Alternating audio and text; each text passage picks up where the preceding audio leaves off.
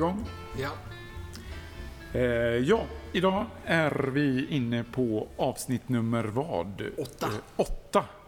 Och eh, vi har vår första gäst här. Jag heter Joakim Jardeby och sitter här med Oskar Olsson, men även med Ted Ås. Vår första gäst. Ja, Oj, stort. välkommen. Tack, tack, tack. Eh, ja, innan vi drar igång så tar jag våra sponsorer. O23, Bergatroll Media, Fredag Event och Kommunikation. Så, då har vi avklarat det.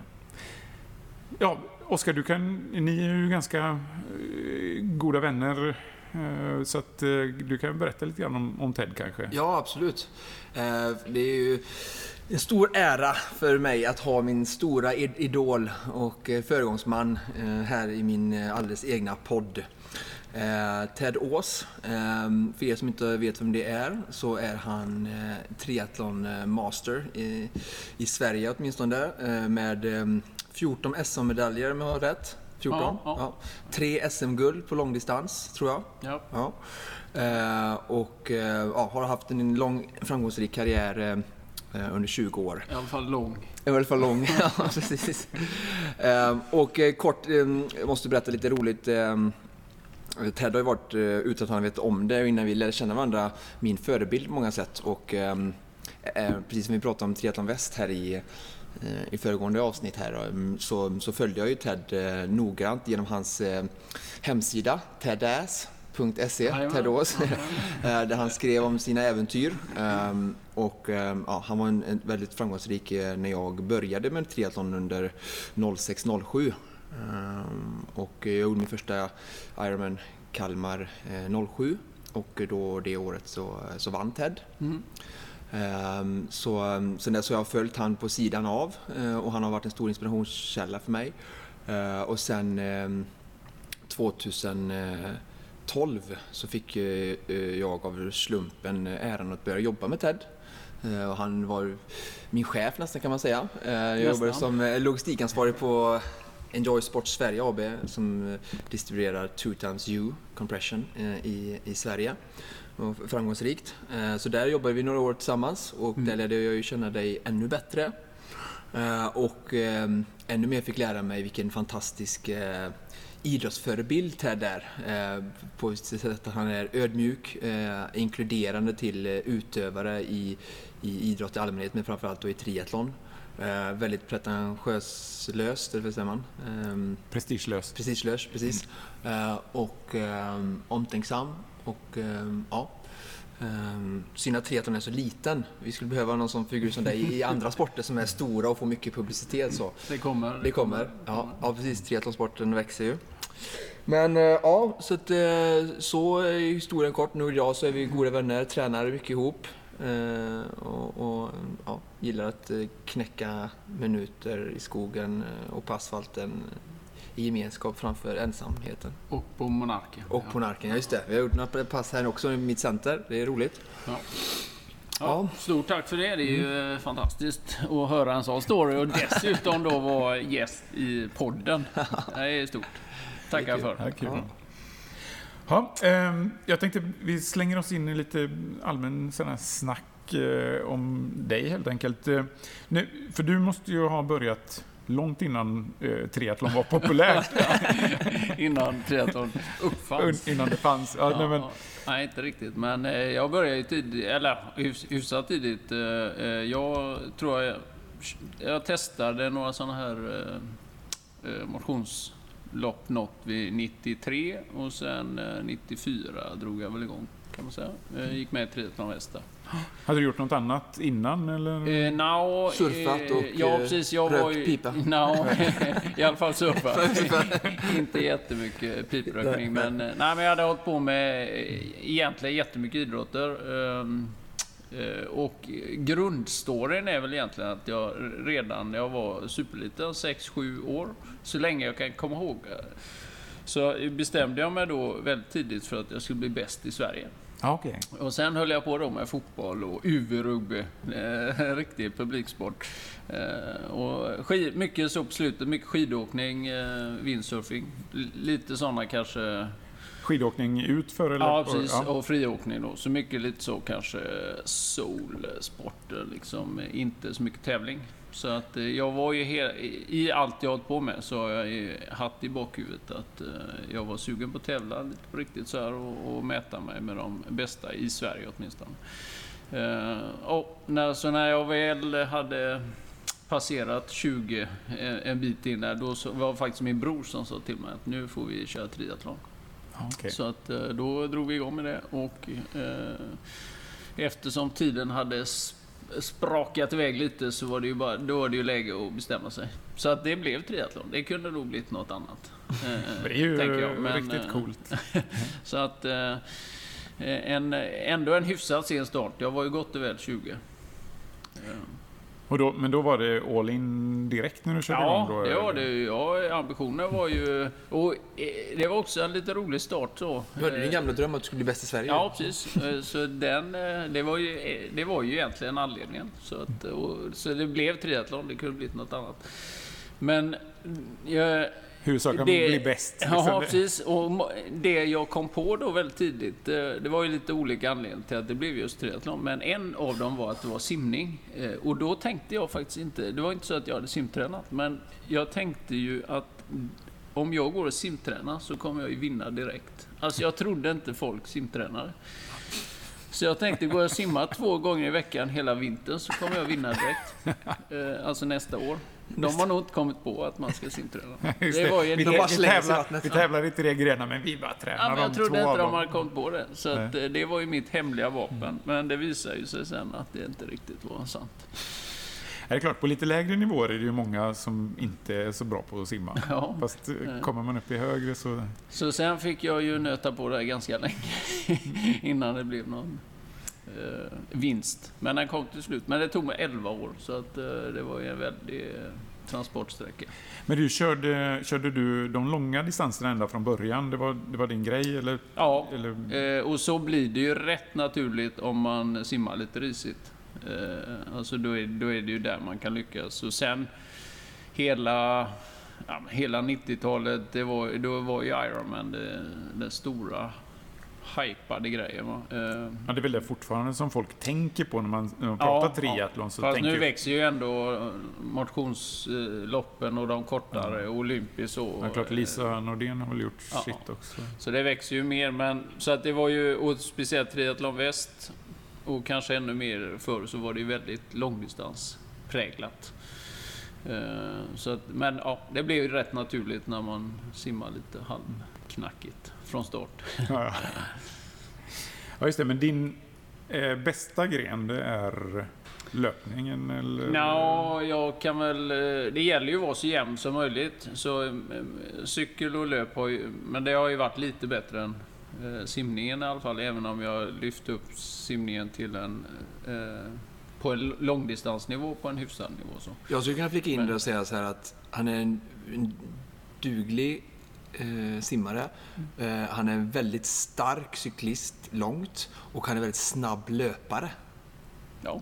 Det är så. För du har ju faktiskt väldigt fina tider. Du har gjort 1.14 på halvmaran Mm. på- i, i, en halv, i en halv Ironman och du har cyklat på 4.25 i en lång Ironman. Så, sen har du inte riktigt fått till löpningen på den långa, men stark cyklist långt och snabb löpare på 21 km i alla fall. Men jag tror eh, min styrka har väl varit att jag har kunnat få eh, åtminstone upp till halv Ironman. Alltså kunna springa lika bra när jag är trött som när jag är pigg. Alltså jag har bättre Mm. pers på en halv Ironman än på en vanlig halvmara. Eh, Och det är ingen triathlon-uppmätning då? Det var okej? ja, det, är Man vet inte. det vet man ju aldrig Nej, riktigt. nej, men nej. Men jag tänkte... det flimrade svartna för ögonen. Halva det loppet är ju borta. Ja, men det var lite kul att se. Jag, vet, jag stod ute på en eh, sån eh, cykelvändning ute på ett eh, litet sånt lopp i Hindås som eh, Triathlon Väst höll. Och då var det ju du och Björn eh, Andersson som tävlade om vem som skulle vinna det där, eh, kändes det som. Och han låg ju väldigt, väldigt långt före dig på cyklingen. Ja. Jag tänkte det är helt kört för Ted. Men eh, du tog honom sen till slut. Uh, ja, nu, jag minns inte just det, nu. men eh, det, det kan säkert ha hänt, ja absolut. Men han var ju, han sim, både simmar och cyklar ju som en rocket. Va? Så att eh, det visste man ju att det får man käka lite grus på löpningarna om det ska gå. Men det måste ju vara ganska skönt att känna att man är stark på sista liksom. Att, att man kan... Ja, På något det är ju sätt, alltid eh, positivt. Det lite jobbigt för de som, är, som är bättre- jagade också. Det är bättre att vara stark och snabb än trött En och... trött och långsam. det är lite generellt. Det är faktiskt en bra devis. Hur, men eh, om man säger nu har du, nu kör du inte något eh, på en hög nivå eller finns det någon comeback i, i faggorna? Eller? Ja, det är det inte. Nu har jag ju jobbat väldigt mycket här sista åren så att eh, då gäller det ju att försöka hålla igång så bra som möjligt. Och eh, med, eh, men med lite effektiv och rätt träning så, så, går det ju lite på ångorna fortfarande. Så det går ju att hålla en hyfsad nivå. Ja, du Jag var ute och cyklade för två, tre dagar sedan och jag fick bita i arslet för att hänga med. Liksom. Ja, men då hade du ju eh, frugans damcykel. Och jag satt ju på 100 000 kronor Teresa liksom, med aerohjälm. Det, det förtäller inte historien. Ja, ja, nej, nej, men, det, men jag har väl inga, jag kör så snabbt det går, alltid. mm, Eh, Så får man ju se. ja. Men inga sådana ambitioner eh, Att vinna direkt. Kalmar. Nej. Eh, Hur mycket, jag tänker, det är ju lite intressant att höra då hur en typisk träningsdos för dig var när du körde som mest. Ja, jag försökte ju ha en eh, skamgräns på 20 timmar. eh, och- Aldrig under det eller aldrig nej, över? Nej, aldrig under. Eh, någon enstaka gång kanske. Sådär, va? Men, eh, nej, men i grunden två pass om dagen. Mm. Eh, två gånger två timmar i någon form av bas. Sex, sex dagar så blir det alltid någon dag med lite, lite mindre. Körde du heltid eller, eller har du alltid jobbat? En, Eh, sidan jag har... Eh, först studerade jag i många år. Jag höll mig kvar i akademiskt så länge det gick. Sponsrad av CSN helt Ja. enkelt. Eh, så, så det gjorde jag i många år. Sen började jag jobba halvtid som eh, lärare och gymnasielärare. Då. Ja, Och okej. då förhandlade jag ju direkt bort alla sådana här gemensamma grejer. Så jag hade ju bara mina lektioner. Så att det funkar ganska bra. Och så har jag drivit ett, eh, en enskild firma då, TED Sport, eh, för att eh, finansiera idrottandet. Ja, just det. Då har du haft Men- lite sponsorer och lite... Ja, Eller eh, jag har väl egentligen ja, lite, lite sponsorer så, men jag har väl försökt jobba med företag med föreläsningar och friskvårdsaktiviteter och istället för att försöka liksom jaga fram pengar så är det lättare att komma på något som Ja, Som vill företag, ja, och som de ändå köper in på ett eller annat sätt. Men så kan jag leverera till förhoppningsvis ett kanske lite mer personligt och ändå sätt som de är nöjda på. Så att, eh, ja. Det har väl varit eh, inte liksom någon form av semi-professionalitet kan man tänka sig då. Men Just. fokus har ju alltid varit att eh, sätta liksom träningen och tävlandet i, så högt upp som möjligt. I alla fall. Eh, jag tänkte, du har säkert ett ton anekdoter och, och Oskar kan säkert fylla i där också. Men eh, den som jag tycker är lite rolig, det var den när du var på Hawaii och lyckades göra den, eh, sätta rekord i, split mellan eh, eh, cykel och löpning. Ja, just det. Det finns, ju, det finns ju två topplistor i Sverige kan man säga. Eh, En är naturligtvis att ha de bästa tiderna på Ironman, men så finns det ju en unik lista då med eh, sämsta löptid i förhållande till cykeltid. Och där har jag också varit topp tre. Så att eh, det får man ju vara eh, lite glad för att jag har kunnat har den vara på. förmågan. Jag har var- varit på båda listorna samtidigt. Eh, Jag var ju på den andra änden då så var vi ju, det var ju länge vi var tre stycken bara som var under 8.30 och sen hade jag ju då eh, nöjet att slå mig in på andra listan också då med en mara på 6.40 tror jag. Eh, Ja, en Då- hel dag löpning på Hawaii. Alltså mardrömmen på Hawaii, det är ju det man går innan och pratar om. Det är ju, tänk om jag får en glue stick. Det är ju det de delar ut då när mörkret faller. Så får man gå där med den här skämstaven. Just för det är för att man inte ska bli påkörd på Ja, motorvägen. precis. De släpper på trafik där och det blir ju kolsvart. plötsligt stod jag där. Och det var ju så många, det var ju ett år då det blåste väldigt mycket. Det blev väldigt många som var ute. Så det dröjde innan man fick sin glowstick. Så jag trodde jag skulle klara mig, men plötsligt stod jag där i mörkret. Ja, vad härligt. Men, Ja, det, men jag det är för gick att- i mål i alla fall. Ja, men du går in sten och det är lite eh, Björn Dählie över, över satsningen eller, eller hur kommer det sig att... eh, Nej, men jag går ju alltid i mål. Jag har ju eh, kanske, jag har brutit, eh, jag tror det är två eller tre tävlingar. Sadeln, eh, sadelstolpen gick av ett år efter sju kilometer på en Ironman. Och du fick inte byta? Nej, jag, jag cyklade in, stå, eh, först började jag tänkte jag kan nog stå i 17,5 mil. Men sen tänkte jag, nej det kommer ju inte att gå. Eh, Så då cyklade jag in, faktiskt tog eh, ner min mountainbike från taket och monterade på den. Tog ungefär en och en halv timme. Så jag, men när jag kom in från cyklingen då hade de plockat bort mina löpardojor. Så då hade jag ju... Jag hade ju fått lite hjälp att ta ner mountainbiken från taket då. Ja. Så det fick man ju inte.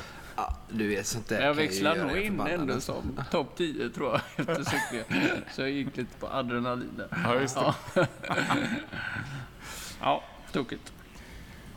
Ehm, ja. Men ja, för vi har ju varit inne lite grann och nosat på det där. Jag tänkte just det här med, med eh, taktik på tävling. Hur, hur la du upp en, en typisk tävling? Eller hur, hur är din eh, filosofi där? Liksom? Ja, alltså Ironman är ju, det är ju lite för långt. Eh, det är ju grunden. Då. Så att det, är, det är ju rätt svårt att ha... Eh, en taktik måste ju ändå på något sätt landa i att man ska försöka ta sig i mål. Eh, sen för att vinna och för att vara i toppen så behöver man ju chansa lite grann. Men det gäller att väga den liksom chansningen så att man inte liksom kroknar helt. Eh, så det där är ju en balansgång när folk eh, rinner ifrån och sticker iväg. Speciellt på cykeln då. Alltså ska jag gå med eller ska jag backa av lite grann så. Eh, så att, mm. Det är, det är svårt att säga att, att man har en glasklar taktik mer än liksom att man måste hålla sig inom sina ramar.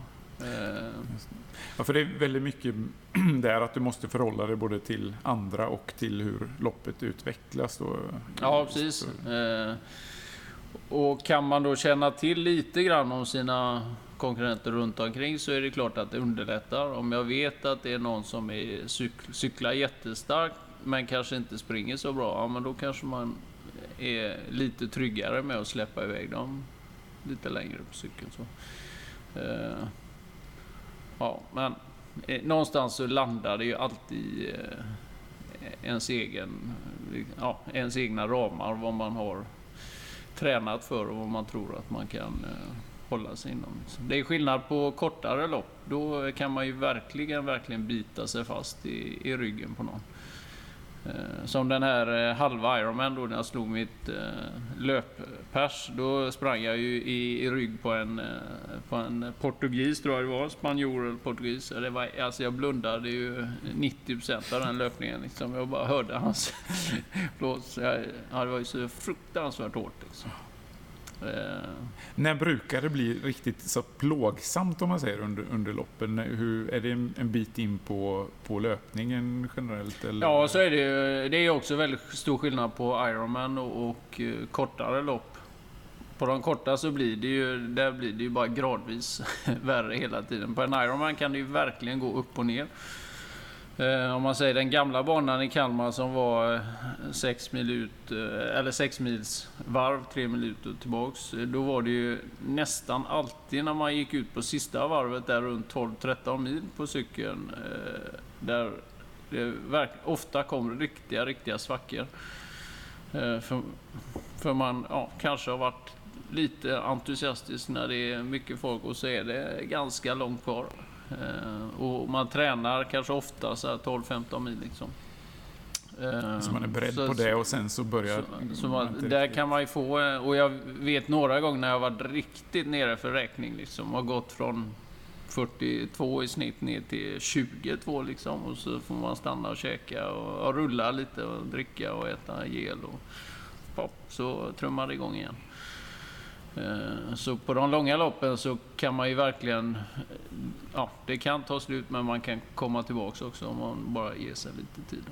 Ligger du på väldigt hög puls där eller hur?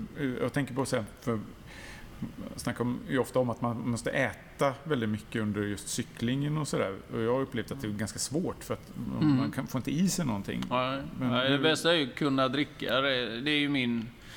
Min, e- eh, min ena eh, egenskap, man kanske inte ska säga svaga, men min egenskap är ju att jag svettas något oerhört. Och det gör ju också att jag kan dricka otroligt mycket. Alltså på en vanlig Ironman så dricker jag mellan 10 och 12 cykelflaskor Oj. på, eh, eh, på cyklingen då. Eh, och det gör ju att jag kan få i mig väldigt mycket energi i, bara i att dricka då. Alltså, så du kör inte så mycket som bars och Nej, geler nej, och jag sånt? kan ta lite grann och man tar lite bananer så på slutet av vätskestation. Men jag, eftersom jag kan få i mig så mycket vätska och om jag kan blanda den rätt och hantera det så kan jag få i mig mycket. Just energi. Kör, ja, då kör du, ja, du har egen langning och sådär så att du får eh, lite starkare, vad heter det? Ja, i alla fall att man kan blanda den själv. eh. Det är ju det, då, är, då känner man ju sig lite tryggare. Eh, Sen brukar det funka med det arrangören tillhandahåller. Men man vet ju ibland, man vet inte riktigt hur de blandar. Ibland är det superstarkt och ibland är det supersvagt. Liksom. Ja, precis. Ja. En annan eh, lite rolig då sidospår från det var när jag sprang Kollemaran ett år. Så vi, efter tre mil ungefär så började det snurra i huvudet. Jag var liksom vimmelkantig. Jag kände det här är så, vad är det som händer? Så jag ropade till fru Ås som stod och hejade på mig. Kan du kolla vad det är de serverar? För att eh, det känns inte Jag bra. dricker och dricker men jag får ingen energi. Det känns inte bra. Då hade de fått spons av Bob Light. Du vet, inte, inte en kalori. Så långt ögat nådde. Va? Så fru Ås ner och tömde kiosken på cola där. Va? Så jag hämtade jag. Men var det det året du sprang på Master 240? 242 snöslask. Ja. Det är Sju, magic. sju varvbana där. Sju gånger upp för en eh, Backe i Ja, Lindome. ja, ja. Nej, men det var tokigt. Var det. Ja. Så att eh, arrangörer i all ära, men ibland eh, kan det vara tryggt att veta vad man, vad man får. Hur, om man ser på sådana som Hawaii och sådär, är det... För där får man inte drafta va? Eller Nej, precis. Det gäller, ju- nej, det gäller ju alla triathlon får och får. över... Ja. Men hur, ja, för det är rätt mycket sånt Olympisk. ändå va? På, på de här stora tävlingarna, eller? eh? Ja. Nu kanske vi ska förklara i och för sig vad Ja. drafting innebär. Det är alltså att man ligger För nära. för nära på cyklingen. Man får väldigt stor fördel av att eh, Mm. den andra bryter vinden då liksom och, och eh, får mindre motstånd. Mm. Ja, så, förlåt. Nej, så, eh, så blir det ju på de stora loppen och där gäller det ju bara att man eh, vet om det och så får man försöka liksom hålla sig undan helt enkelt. Eh, och, och acceptera att man möter liksom klungor och sådär va. Mm. Det, För det är vissa det som säger ju, nästan att, att det har ju blivit mycket värre. Jag, skulle nog... eh, Det var ju, ja det har ju gått lite perioder. Eh, Sen har de haft lite, det är andra regler, har varit andra regler i USA i alla fall när man tävlar. De har det de kallar stagger rule, alltså att man inte får lägga bakom. Även om jag är 200 meter bakom så måste jag ligga två meter ut till vänster då så att det blir varannan cyklist i långa red. Och det kan motorcyklarna se väldigt enkelt då. Så den regeln har funkat superbra i, i USA. Så. Men eh, ja, generellt så får man bara veta om att, eh, att det kan förekomma. Eh, Sen blir det också mycket mindre om de släpper iväg proffsfälten en, en, ja, en kvart eller tio minuter innan age group-fältet. Och då, då handlar det om 40, 50, 60, max 70 man då. Eh, Så då blir det aldrig några stora klungor. Nej, det dras isär för mycket då liksom, Ja. helt enkelt. Ja. Eh, Jag tänkte, ja, du... ehm, du är ju på Two Times You nu då. Vad, Ja. Du är VD? Nej, jag är ju eh, delägare då i det, det här svenska bolaget Enjoy Sport som distribuerar Tutans You. Eh, så vi har ju en norsk huvudägare och så eh, driver jag och min kollega Timo det svenska bolaget. Då. Eh, så det har vi hållit på med de sista åren. och då har det blivit lite mer jobb än träning. Helt enkelt. Nej, men det har varit, det har varit en fantastisk resa. Och roligt att jobba med ett sportmärke som är dels så väldigt förknippat med triathlon men också har de här kompressionsprodukterna som är, är breda liksom ut till egentligen alla eh, personer. Så att, ja, det har varit en eh, hittills en väldigt, väldigt spännande resa. Har du, jag tänker på din eh, erfarenhet som, som triatlet och, och elit idrottsman och så, ger det någon fördel liksom i, i jobbet så? Jag tänker mindset eller något annat? Liksom hur du ja, men det tror jag. Framförallt kombinationen och, från Timo och mig då, där han har varit eh, ja, gammal monstermäklare och säljer allt som står still i lite för länge. Eh, och jag som är, är van vid att jobba väldigt kanske målmedvetet strukturerat eh, över lång tid för att nå resultat. Tror jag, eh, Så att det har varit en bra kombination samtidigt som i, i sport eh, i kontakten med sportvärlden, alltså sportbutiker så, så är det ju naturligtvis positivt att, man, att jag har varit eh, aktiv själv. Ja, både för märkets frammarsch i, början och sen även för din kunskap och mm. att kunna lyfta fram fördelarna med plaggen eftersom du använt det så mycket. Mm. Och vet vad som är bra.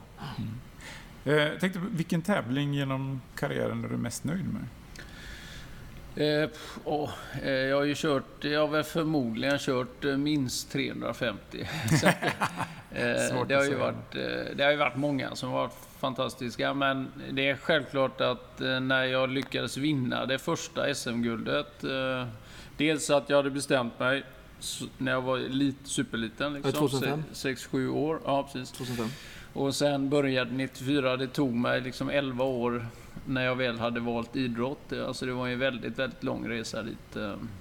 Så på ett sätt var ju det eh, superskönt. Men sen blev det också lite, oj, vad händer nu? Men eh, så att det, det är ju naturligtvis en, eh, ja, men en milstolpe och ett mål som jag var väldigt nöjd med. Sen gick det ju tre år i rad. Liksom. 2006 kunde jag inte tävla för jag opererade knät där, men 2007 och 2008. Ja. Så att eh, det är ju lite sådär, once you pop you can't stop. men, ja, just det. Alltså det är, nej men det är jag ju, och det, det loppet var ju eh, speciellt också, du pratade om taktik där förut. Mm. Och Niklas Nilsson? Då, nej, det var ju framförallt eh, Christian Månsson, Christian Månsson. Eh, som jag visste sprang oerhört bra. Så jag hade ju en ledning på någonstans mellan 12 och 14 minuter ut på löpningen. Och då var ju taktiken, nu ska jag bara springa så snabbt jag kan eh, tills han kommer ikapp. Och då bara tokspringa allt vad jag kan. Så får jag se var jag än är på banan så kommer jag bara ladda på supermax. Så får vi se vad som händer. Och då blev det precis så. Eh, men det dröjde ganska länge, så att han kom, eh, han kom ikapp mig vid 40 kilometer, mellan 40 och 41. Sprang han i en 12-14 minuter, så det var han snabb? Ja, han var snabb. Eh, och sen när jag hörde på hans fans då att han var kanske ja, 10-15 meter bakom mig, då bara laddade jag på allt jag kunde. Eh, och bara blundade, svartnade för ögonen och bara körde på. Och då hade han ju försökt eh, gå med på det och så fick han kramp då. Så kunde jag. Eh, så det var, det var en taktik som jag hade liksom bestämt mig och förberett mig för. Jag visste ju att så länge han inte har passerat mig så, så kommer jag ju vara i ledningen. För övrigt då körde jag samma taktik med Claes Björling. Fast det gick inte hem. några år senare. Men 2009. Han bara svor och sprang om mig. så att den taktiken Men det var ungefär, det var roligt. Det, det, var, det var ungefär två kilometer kvar till mål också. Ja, det var precis samma ställe. Samma ställe. Inne bland villorna Ja, det var spännande. Nej, den gick bara en gång. Just det, men det är, det är Kalmar som, som räknas som, som SM Ja, det har ju varit det. på den tiden. på Nu, den- idag, Inte finns, nu. idag finns inte SM på Ironman-distans längre. Nej, Alltså för nu kör man långdistans istället, eller är det de här... Ja, man har kört det för tre år i rad nu i, eh, i Motala, Motala, på grund av att det var. VM 2005. Nu långdistans-VM 2016 har jag väldigt faktiskt, borde skäms på mig, men jag vet faktiskt inte om det finns eh, det i år. Hal- eh, SM går ju halvdistans i Vansbro, Mm. 2 juli. Eh, men långdistans som sagt, eh, jag har inte hört det om Motala. ITU, ingen tävling där i år. Så de har nog ingen, alltså Kalmar har ju, har ju sin tävling då och där finns ju ingen proffsklass. Så att det, det är väldigt tråkigt för den långdistanseran som ändå varit med eh, dig och övriga i, i toppen. Eh, Tycker jag. Ja, för det finns väl ganska många lovande nu? Ja, nu har vi, och nu har vi några riktigt duktiga. Alltså Patrik Nilsson och... Karl-Johan. Ja, men också Fredrik Kronenberg. Ja. Så att det är några som är riktigt, riktigt vassa nu internationellt. Så det är roligt. Så att, mm. Ja. ehm, jag tänkte också några... Vi pratade ju om det här för vi, vi har fått eh, lite sådana läsar... Eller lyssnarfrågor Oj. rättare sagt. Mm, Sådär. Så att, eh, och då var det bland annat... Eh, fick... Eh, en förfrågan om, om vi hade lite handfasta tips och, och sådär. Och Jag tänkte att... eh, Och det kan väl handla om vad som helst egentligen. Eh, Mm. Så jag tänkte om, om du har några Ja, intressanta tips att att slänga med till, till folk sådär. eh. Gällande träning eller tävling? Ja, då- någonting. Kanske triathlon är på tapeten idag. Börja på Ja, triathlon. ja. Nej, men handfasta tips är ju absolut om man tänker sig eh, börja med triathlon lite grann så, så tycker jag att man ska träna väldigt likvärdigt eh, i alla tre grenarna.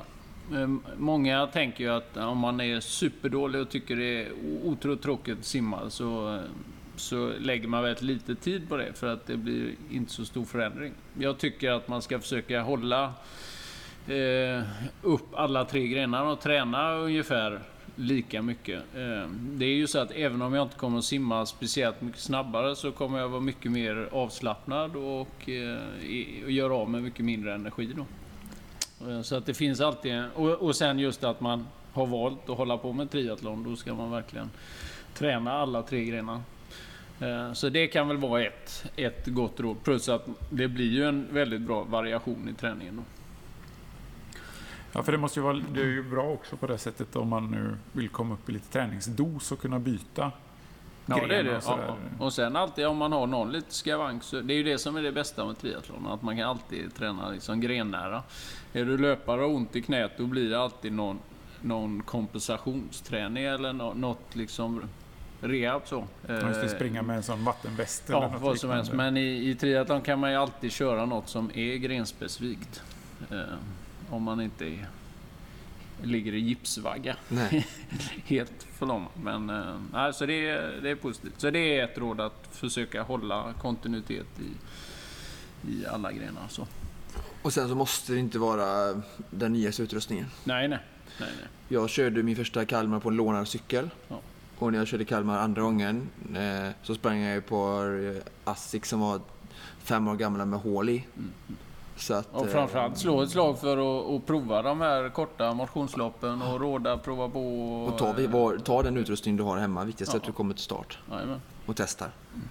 Tid och placering är irrelevant i början. Sen i andra änden är det ju roligt när det finns så mycket bra prylar. Ja, ja men det, det kan man, den världen kan man låta sig öppna upp när man har blivit frälst. Det får bli nästa podd. Ja, nej. När man är frälst, då kan man ju bara nöda ner sig. Men jag, menar att det, jag är så rädd att, att utrustningen, om folk ser saker, att det ska bli ett hinder som inkörsport in i sporten. Jag vill att, kan inte alla, alla bara komma i sina speedos och bhar och så bara kör vi damcyklar och så bara testar vi och så känner vi och sen så är det roligt så kan man bygga vidare därifrån. Jajamän. Men det är inte så, man måste inte komma med en P5 bara bam. Nej. Och det nyaste av allting. Nej men precis, det är ju lite grann också så att de här eh, cyklar och så, det har ju funnits kolfiberracers ganska länge och så, så att det är klart även om de inte är lika bra som de som är idag så, så kan man ju få tag i en ganska billig för att bara köra igång Jag med. ska ju fortfarande komma ihåg att John Howard cyklade under 4. Han hade ju 4.27 1979 va, på Ja, Hawaii. mm. Så det ska vi inte glömma bort. Nej, 89, inte 79 förstås. Puss var inte så inte? Nej. Men så, så är det, så är det verkligen. Det började alltså 78 då för er Ja, som... inte vet. Hawaii Ironman. Ah, okej. Eh, jag tänkte, för ni har ju eh, tränat en hel del ihop och så. Ni har säkert en del eh, roliga anekdoter. Har ni någon, eh, någon sån här eh, kul? Jag har en som, som går ihop med det som Ted pratade om förut. Hans, eh, hans hemliga vapen att eh, svettas ner motståndarna så att de inte ser vad de kör. eh, vi var på i, vet du det, Gran Canaria, höll på att säga. Vad heter det? Plaitas. Och tränade. Jag var där första gången och jag trodde Ted inte varit där så mycket heller. Men sen så visade det när jag var ute och cyklade en sån fem timmars pass så, så kände Ted, tid- Ted till varenda by. För vi stannade titt som tätt och bara fyllde på vattenflaskor. Och Ted bara kom ut med så här tre stycken en och en halv liters petflaskor. Jag fattade ingenting. Jag hade knappt rört mina och han bara Ska inte du ha ditt? Nej men då tar jag det. och det ja, jag var helt uh, amazed om hur mycket det gick att dricka. Och framförallt amazed om den här liksom, dragningskraften mellan dig och massa hål i väggen. Det var som det var magnet på din cykel och på de här uh, supermarkets. För du hittar det överallt. Mm. Det är det, du första man skannar in. ja, vad man lär sig. Ja. Nej, det är ju många som har cyklat eh, under klarblå himmel på Mallorca och sen bara, oj, börjar det regna nu? Den har jag hört många gånger. Oj, nu börjar det regna. Och vi har tränat en del pass inomhus tillsammans. Där det varit uh, pölar av svett. Och sen eh, swimrun. Får inte Ja. glömma när jag låg på Styrsö Just det, där. det är en trevlig anekdot. Vi kör. Vi sitter eh, på parkbänken där. Vi hänger med Björn Englund och Björn Andersson som tävlar med flintar. Så vi är tre lag i täten och vi pushar. Och jag, ena stunden så är vi, de är loss lite och du säger vi tar vår fart, så kommer vi ikapp. Och så är vi på Styrsö ungefär halvvägs in i loppet. Och jag känner bara uh, nu börjar det bli lite eh, gummibandet sträcker här, va? Ted är lite varm. Och så kommer vi till Styrsö, där står Ann-Sofie och häller s- saft och vatten och Ted i håret. Jag tror att de har saft och allt möjligt va. Och jag säger bara nu är det, eh, hon, jag ser oroheten och eh, Ann-Sofie vet nu vad som komma skall. Och vi ger oss ut i Styrsö, upp för den här branta backen där, eh, förbi, mm, ut ur depån och fotbollsplanen. Och så kommer vi upp där in på ett sånt spår och Ted bara, jag går, går saktare och saktare och nu försvinner de ju då ut i horisonten och eh, så plötsligt börjar han gå. Och sen, Sen bara- så bara bam, och så är det en bänk och jag bara ser hur Ted bara så här. Åh, bänken! Bara går fram till bänken och lägger sig på ryggen raklång.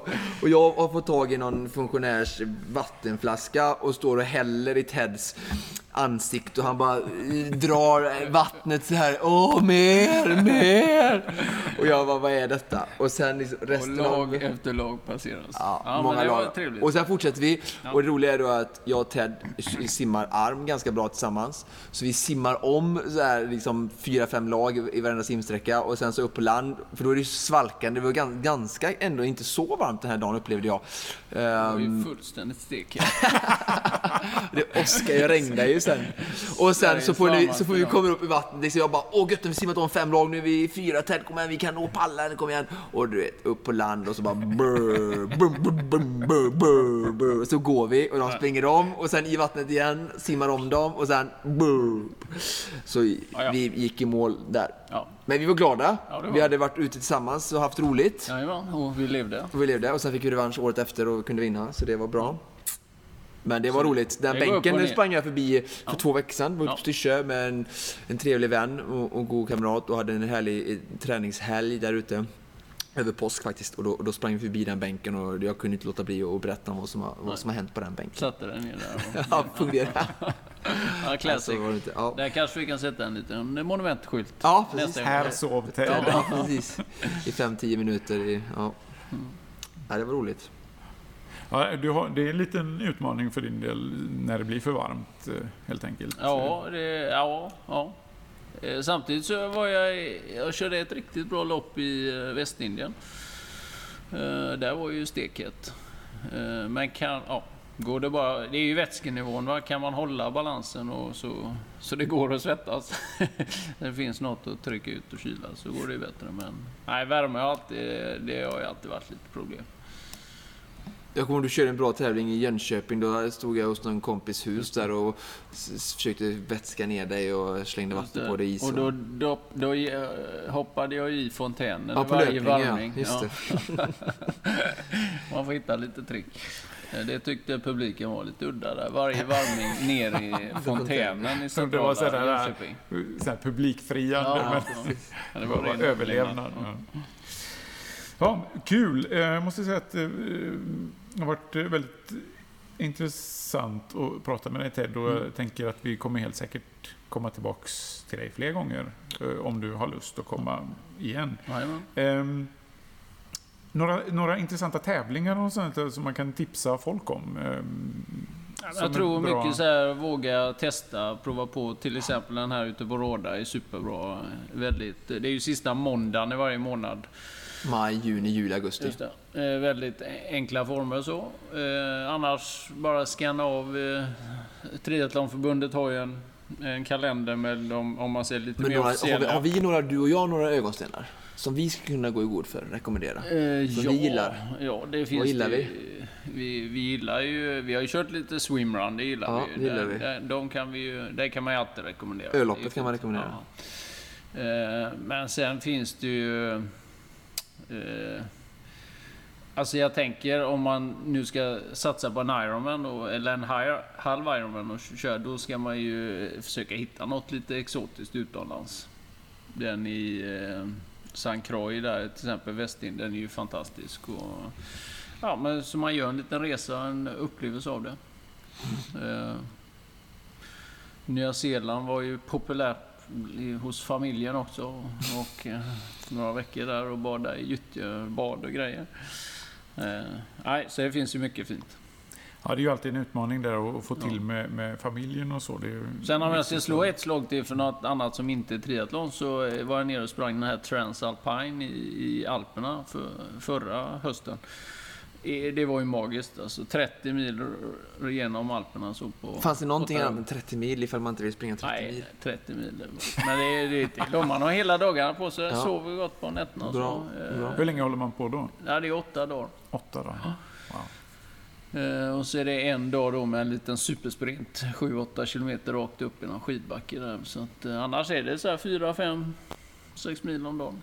Är det mycket höjdmeter och så? Ja, också? inte farligt. 13 500 upp och li- lika mycket ner. Nej, det var ju, nej, det var ju grymt. Sicken upplevelse, sicka vyer liksom. Så man ju ta det vackert och njuta, äta mycket i depåerna. Så. Mm. Kan jag rekommendera.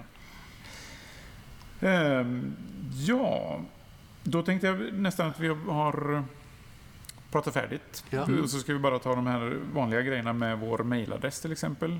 Konditionspodden gmail.com Facebook-sidan hittar ni på Konditionspodden. Bara söka på, på Konditionspodden på Facebook så hittar ni det. Och vi vill gärna ha in både synpunkter på och förslag på ämnen, gäster eller några andra intressanta. Eller om vi Har, Ted några- några förslag på någon bra gäst? Ja, just det. Några- konditions, konditionsrelaterade... Ja. Ja, men jag höll ju på ett tag med eh, lite multisport också. Eh, och där finns ju eh, legendaren Mats Skott, heter han ju numera.